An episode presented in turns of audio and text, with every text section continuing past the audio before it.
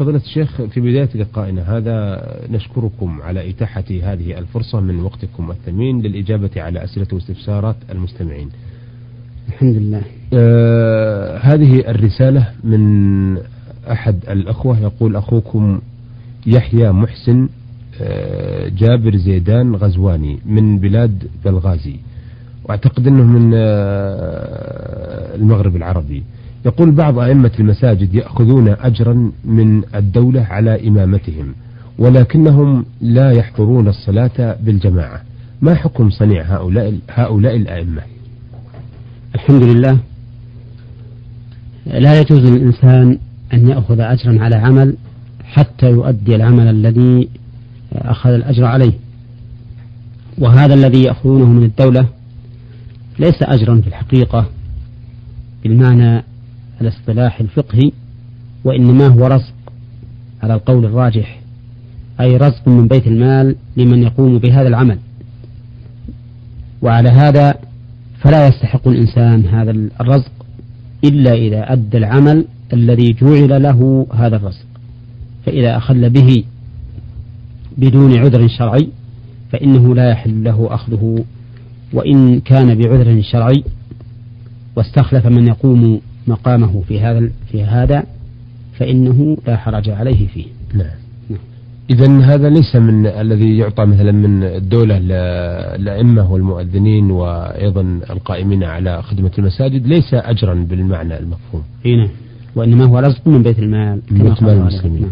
لأن في الحقيقة في كثير من الأخوة يتحرجون عن أخذ هذا وفي أيضا من يعترض عليهم فيقول لو لم يعطى لم يصلي ولم يؤذن ولم يفرش المسجد إيه. فما ينبغي فما الذي ينبغي أن يقال لمثل هؤلاء القائلين يقال لهم أن هذا ليس ليس من باب الإجارة المحضة وإنما هو كما أشرنا إليه نعم. رزق من بيت المال أما نعم. كونه إذا لم يعطى لم يقم بهذا العمل فهذا أمر قد يكون طبيعيا وهذا لا ينقص من من أجورهم شيئا إذا كانوا إنما أخذوه ليستعينوا به على أداء ما يجب عليهم من الحقوق أما من صلى ليأخذ أو أذن ليأخذ فهذا ليس له أجر في الآخرة نعم. ذلك لأنه أراد بعمله الدنيا فلا يكون له إلا ما أراد نعم. فهنا يجب أن نعرف الفرق بين من أخذ لأجل أن يستعين به على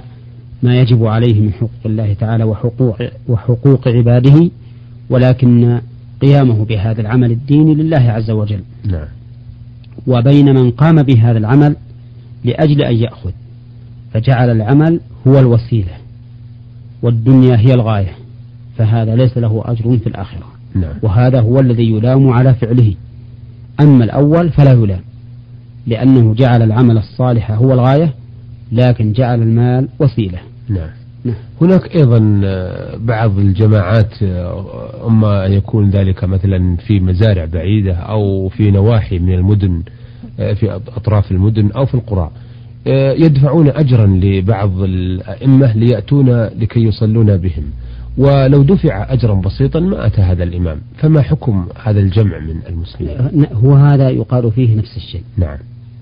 إذا كان هذا الرجل يأخذ هذا القدر من المال ليستعين به على الوصول إلى هذه القرية أو هذه المزرعة أو ما أشبه ذلك أجرة للسيارة أو ثمنا للبنزين إذا كانت السيارة له فهذا لا بأس به. أما إذا كان المال هو غايته. فهذا هو الممنوع. فالميزان هو أن أن الأعمال بالنية. نعم نعم. فمن كان نيته المال دون العمل الصالح فإنه لا أجر له وهو ملوم على ذلك. ومن كان نيته العمل الصالح وجعل المال وسيلة إليه فهذا لا يلام ولا حرج عليه فيه. أحسنتم. آه، في نهاية هذا السؤال أيضا نريد أن نطمئن إلى شيء كبير جدا في الحقيقة. وهو التحدث عن الأئمة والمؤذنين وفراش المساجد آه، كثيرا ما نسمع من يقول إنهم لا يأخذون إلا لي أو لا يصلون أو لا إلا ليأخذون فما حكم الكلام الناشئ من هؤلاء المتكلمين؟ هذا لا يجوز. نعم. هذا من عمل أهل النفاق الذين يلمزون المتطوعين من المؤمنين في الصدقات والذين لا يجدون إلا جهدهم. نعم. فمسائل فالمسائل المبنية على النيات لا يجوز للإنسان أن أن يحولها إلى النية السيئة. بل الذي ينبغي إحسان الظن بالمسلم. نعم. وأنه إنما جاء ابتغاء وجه الله وجعل المال وسيلة لا غاية. وأما كوننا نتهمهم بهذا العمل فهذا حرام ولا يجوز. فعلى المسلم أن يحذر من ظن السوء بإخوانه لا سيما المتصدرين لهذه الأمور. الإمامة في الدين والأذان وخدمة المساجد فإن الذين يلمزونهم في هذا ما أظنهم إلا يقصدون شرا. يقصدون أن يلمزوا الإسلام بلمز من يقوم بوظائف الإسلام. نعم, نعم. أحسنتم. أه سؤال الأخ أه يحيى محسن الثاني يقول في بعض البوادي يحضر النساء مجالس الرجال ويسلمن عليهم ويصافحنهم ويقولون هذه عادة نرجو التوجيه وفقكم الله.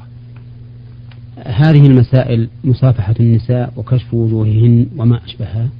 ليس أمرا عاديا أو تق أو تقليديا وإنما هو أمر شرعي.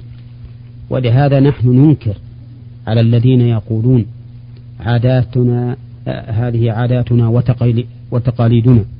يجعلون الحجاب وبعد المرأة عن الرجل يجعلونها من العادات والتقاليد نعم. هذا كذب وليس بصحيح وهو أمر له خطورته لأنه يؤدي إلى أن يغير هذا الحكم الشرعي في يوم من الأيام ويقال إن العادة اختلفت والتقاليد انتفت ونحن نريد أن ندخل منهجا جديدا وعادة جديدة نعم. ثم يغيرون حكم الله بسبب ما وصفوا هذا الحكم الشرعي بما ليس وصفا له حيث جعلوه من العادات والتقاليد.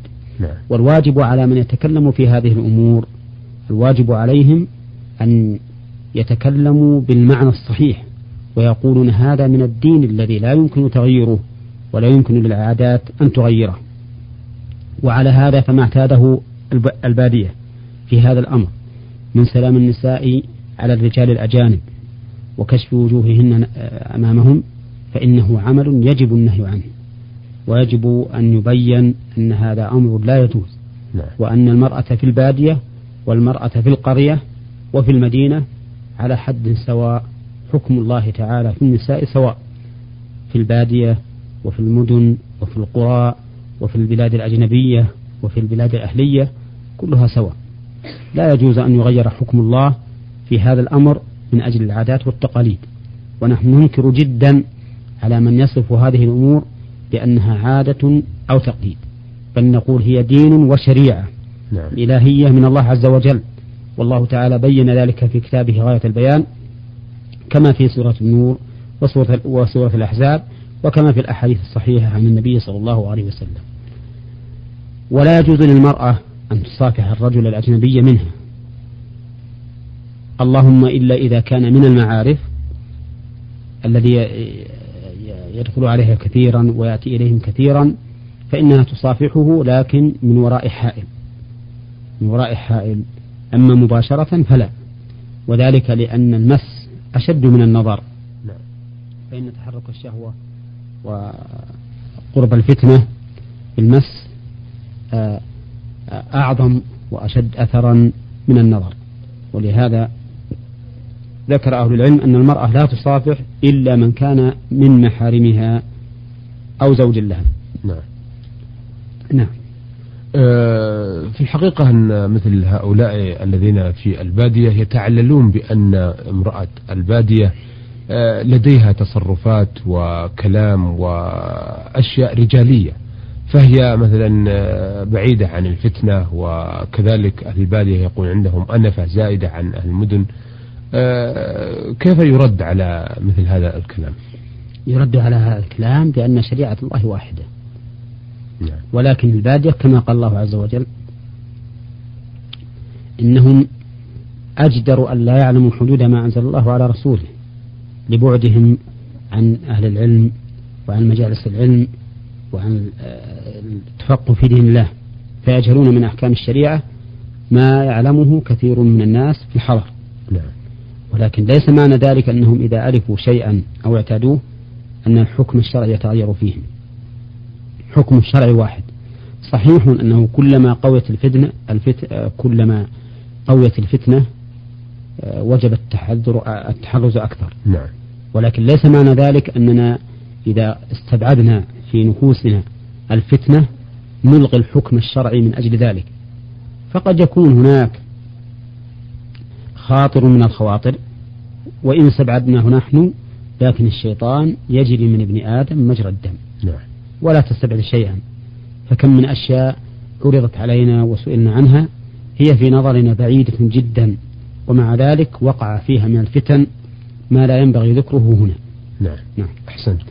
آه هذه الرسالة من آه المواطن عين ميم ألف الجهني يقول أفيدكم بأنني أحد سكان الرياض. فقد خرجت من بيتي آه خامس العيد من هذه السنة 1400 للهجرة ذاهب لمصلى العيد فوجدت في الشارع العام مبلغ من المال. وقد حفظته عندي ولا أعلم ماذا أتصرف فيه. أفيدوني جزاكم الله خيرا. آه، ولأن المبلغ محفوظ عندي وأنا في انتظار جوابكم وشكرا لكم. الواجب على من وجد مبلغا من المال كثيرا يهتم الناس بفقده أن ينشد عنه لمدة سنة فإن جاء صاحبه وإلا فهو له وأتمنى لو وجد في كل بلد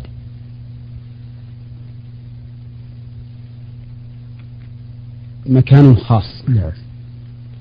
لهذه اللقط أعني الأشياء الضائعة من قبل الدولة تحفظ فيها لأجل أن يستريح الناس وينشطوا على أخذ هذه الضائعات نعم. لأن كثيرا من الناس أهل الورع إذا رأى آه، دراهم في السوق أو رأى متاعا آه، لا يأخذه خوفا من أن ينشغل بتعريفه نعم. فلو كان هناك آه، مكان أو جهة مسؤولة من قبل الدولة تحفظه لكان يسهل على كل واحد أن يأخذه ويؤديه ويؤديه إلى تلك الجهة. نعم. وأتمنى لو يحصل ذلك فإنه مفيد جدا ولعل الجهات المسؤولة عن هذا الشيء تدرسه ليحصل المقصود بذلك. أحسنتم. هذه عدة أسئلة. وأعتقد أن السائل أه امرأة. أه يقول السائل ما حكم النذر؟ هل هو حرام أو حلال؟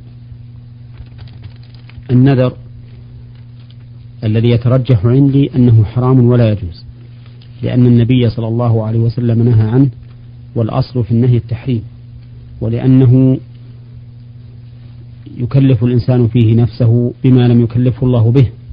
ولأنه عرضة لعدم الوفاء به كما يوجد كثيرا في في الناذرين. لا يوفون بما نذروا وهذا خطر عليهم. نعم. لا سيما أن بعض الناس إذا اشتد به الكرب واشتد به الأمر نذر نذرا كبيرا. ثم يشق عليه بعد ذلك الوفاء به نعم. وهذا خطير جدا. نعم. فالذي أرجحه وأميل إليه هو أن النذر محرم وليس مكروها نعم. لأن النبي صلى الله عليه وسلم نهى عنه والأصل في النهي التحريم ولما فيه من المشقة بإلزام الرجل نفسه ما لا يلزمه والإنسان في عافية آه سؤاله الثاني يقول آه فيه ما حكم إذا عملت الفتاة دواء لشعرها ليجعله ناعما آه كالصبغ الشعر بالسواد أو غيره. هل هو حلال أم حرام؟ أما الدواء الذي يجعل الشعر ناعما فلا أعلم به بأسا ولا حرج فيه. وأما الذي تصبغ به المرأة بياض شعرها ليكون أسود فهذا لا يجوز. وذلك لأنه ثبت في صحيح مسلم أن النبي صلى الله عليه وسلم قال غيروا هذا الشيب وجنبوه السواد. نعم. والأصل في الأمر الوجوب فقول جنبوه هذا أمر. فالأصل أنه يجب علينا أن نجنبه السواد ولأن صبغه بالسواد في الحقيقة مناقض لحكمة الله سبحانه وتعالى. فإن الله تعالى من حكمته أن الإنسان إذا بلغ سنا معينا ظهر فيه الشيء. فكونك تجعل هذا الشيء تحوله إلى أسود بحيث لا يتبين معنى ذلك أنك ضادت الله سبحانه وتعالى في حكمته في هذا الشيء. ومن المعلوم أن مرادة الله سبحانه وتعالى في أمره الكوني أو الشرعي لا يجوز للمسلم فالواجب على المسلم أن يتمشى فيما قدره الله عليه وقضاه على حسب ما شرعه الله سبحانه وتعالى له. نعم. والمشروع في هذا الأمر أن يصبغ الإنسان هذا البياض بلون ليس أسود لون يكون بين السواد وبين الصفرة مثلا بحيث يكون أدهم. نعم. لا يكون أسود خالصا.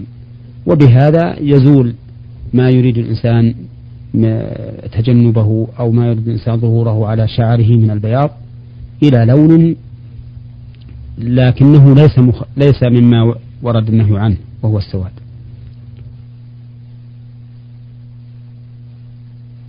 السؤال الثالث آه، يقول هل لبس البنطلون والفستان القصير أمام النساء حرام أم يجوز؟